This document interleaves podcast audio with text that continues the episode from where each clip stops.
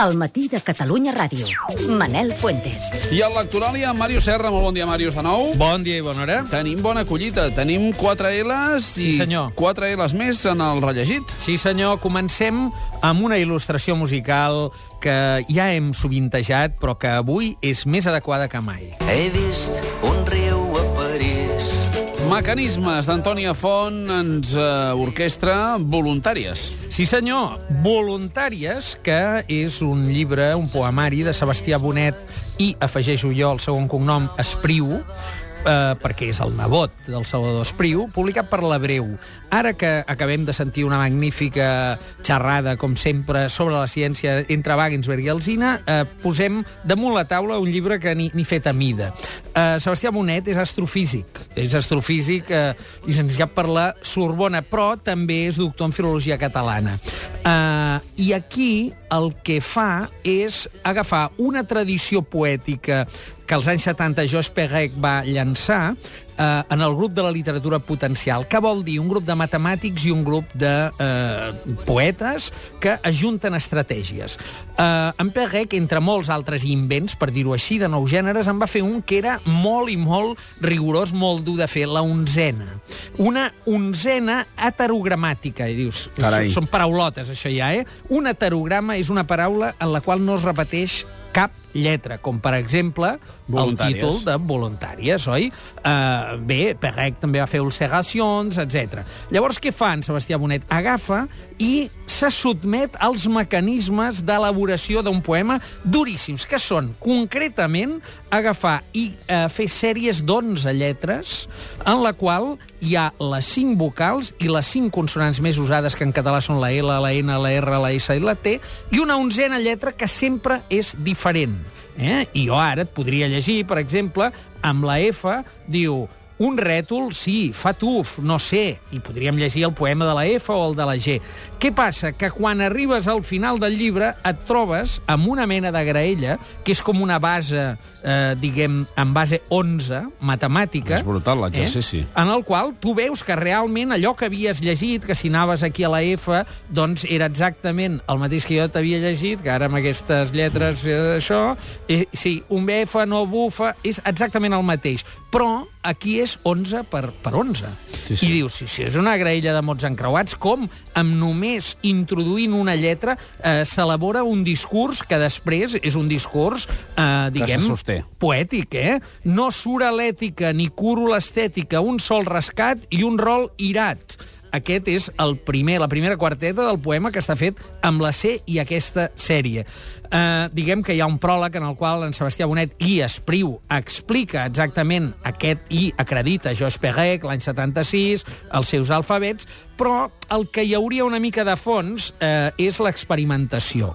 És una experimentació que pot sonar a la gent amant de la poesia, diguem, cristal·lina, dirà, ui, però això és com el químic, no?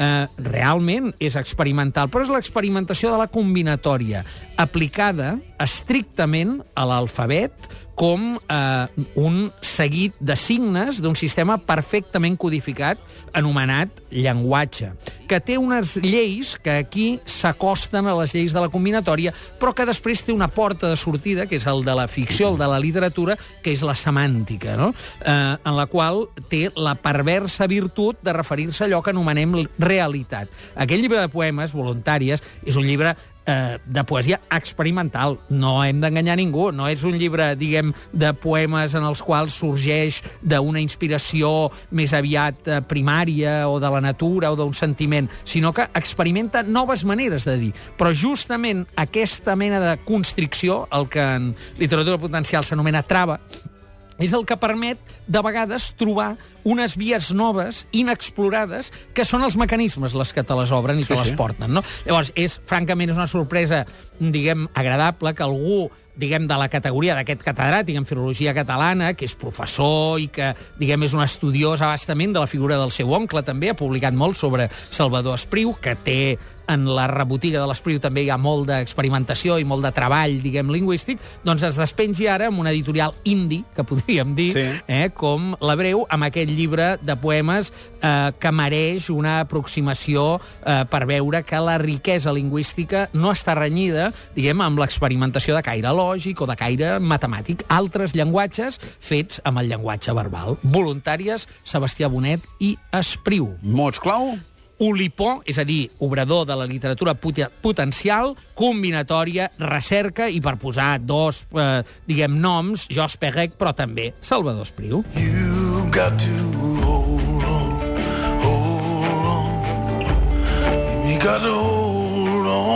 take my right here. You got to d'un llegit de 4 L's a un rellegit de 4 L's més amb Tom Waits i Hold On de fons. Sí, senyor. Aquest és un rellegit que, mm, diguem, eh, convé contextualitzar. És L'escombra del sistema de David Foster Wallace, eh, en traducció al català per primera vegada, el de l'obra de Wallace, eh, de Ferran Ràfols. Això està editat per una editorial nova, que es diu Edicions del Periscopi, que fonamenta el seu treball en el rigor i eh, que neix des d'una, diguem, voluntat clarament literària, eh, fora dels grans grups. Eh, D'aquest eh, és el cas de Males Herbes, és el cas també de l'Hebreu, és el cas d'un seguit d'editorials petites que estan sorgint en uns moments de gran crisi, no? I que aposten per noms que probablement estan d'acord amb aquest esperit. David Foster Wallace eh, va emergir a la narrativa dels anys 80 als Estats Units i va ser veritablement revolucionari. Eh, la seva figura controvertida, un nen prodigi, diguem, eh, que va acabar eh, suïcidant-se, eh, deixant una obra que ha marcat molt els escriptors de la generació eh, posterior i que queda eh, totalment fixada, ancorada en el moment d'eclusió experimental dels 80, no? però no havia estat mai traduït al català. Llavors ara de sobte venen aquests jovenets eh, i es, es permeten el luxe, diguem, d'editar. Què és l'escombra del sistema? Home, l'escombra del sistema, mm, només per posar-te alguns elements, eh, es fonamenta en, en una explicació de la narrativa fragmentària. eh, és francament atractiva. Hi ha moments de gran intensitat, gairebé contes, dins d'una història que, si jo te, te, te l'explico com a Marc, diguem, em diràs, però qui- quina bogeria, no? Que és una eh, senyora, diguem, que treballa de telefonista, es troba eh, absolutament a, a, a prop del gran desert d'Ohio eh, després que desaparegui la seva besàvia. I uns 500 avis més, no? I de, de sobte ens trobem eh, dins d'una vida urbana eh, trasplantada al, al no espai, diguem, eh, del, del centre americà i plena de figures com, per exemple, un lloro, una cacatua, concretament, Vlad l'Empalador, eh, que acaba sent una figura mediàtica per les obscenitats que profereix, no? Diguem, eh, i, i, i et comencen a aparèixer figures eh, extravagants, eh, diguem, eh, dignes d'Andy Warhol, eh, en un context ampli, en un context de novel·la que utilitza tot el tipus de recursos. Hi ha moments de diàlegs eh, incrustats com si fos teatrals, hi ha contes, veritables contes que succeeixen, doncs, per exemple, als lavabos d'un bar eh, i, i que són d'una intensitat extrema, eh, hi ha erotisme, eh, hi ha vida, diguem, urbana, hi ha tota una sèrie d'ingredients que eh, podem trobar en la narrativa contemporània del segle XX, però combinats d'una manera mm, que trenca la línia narrativa tradicional, no? Eh, de manera que és, és una novel·la d'aquelles per llegir-se eh, a, a, amb temps per endavant, però també a petites dosis, no? Mm -hmm. Perquè no eh, perds el fil mai. El fil, per naturalesa, està trencat. Ja. Eh? David Foster Wallace parteix de trencar el fil, no? I aleshores hi ha una acumulació de personatges, alguns d'ells molt excessius, algunes de les seves, eh, diguem, eh, fòbies o fílies hi apareixen d'una manera molt clara, però és de primera, eh? És realment de primera. La traducció d'en Ferran Ràfols funciona, llisca fantàsticament i es nota, sobretot, que no ha envellit gens. Hi ha un determinat tipus de narrativa que és experimental, el textualisme en el seu moment francès, que, vist ara, de vegades eh, dius, ui... Eh, Grinyola? On, on t'era? Grinyola molt, o, o et fa pèrdues de ritme. Aquí no. Aquí eh, veus que en realitat hem anat força cap a un univers en el qual fins i tot la lectura és més fragmentària avui, i això, que és una novel·la de 500 pàgines, eh, eh, està plena de fragments, no? Eh, vol dir que és com un trencadís eh, de, de novel·la.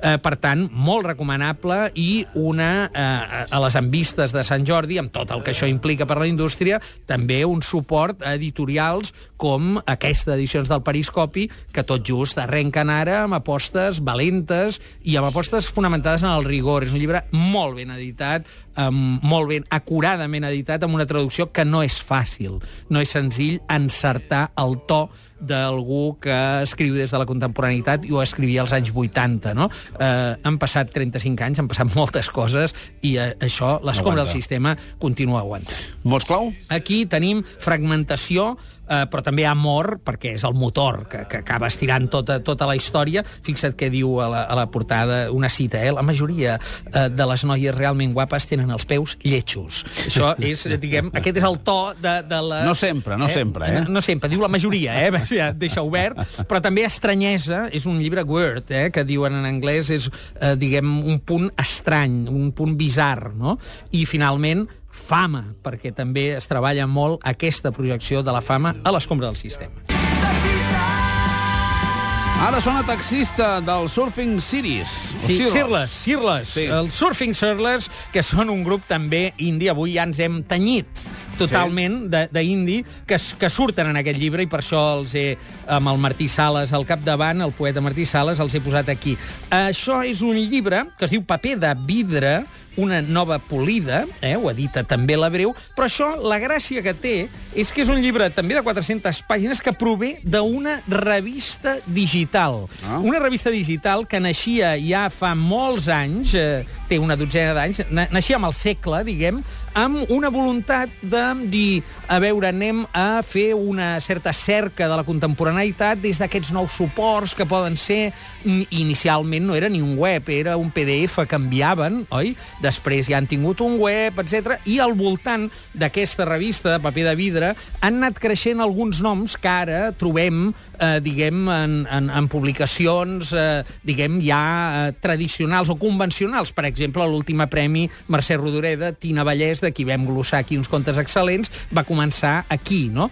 Llavors, el model de, del paper de vidre, que, que està dirigit per, per el Guillem Miralles, és d'entrevistes. Per exemple, han anat entrevistant, van entrevistar els Manel quan encara no els coneixia ningú, van anar entrevistant aquests surfing surlers del, del Martí Sales i molts del món de la cançó, però al costat amb un treball molt rigorós i molt a fons de Mercè Rodoreda i de Joan Sales. Eh, I al costat, doncs, eh, eh, trobem aquí textos de tot tipus, amb el Pau Ribas, sobre un monogràfic sobre el Ramon Bernils, també des d'una òptica d'un cert periodisme crític. Per tant, no eh, atén a etiquetes, aquest paper de vidre. El que ja comença a ser una mica excepcional és que aquesta és la segona vegada que el paper de vidre, és a dir, el segon volum, que tota aquesta ingent quantitat de textos que estan digitalitzats, de sobte ve un editor i te'ls posa en paper. Que no havíem quedat que el paper moria i s'anava cap al suport digital? Ja. Doncs no, aquí resulta que fe, fem el camí invers, com els salmons, no?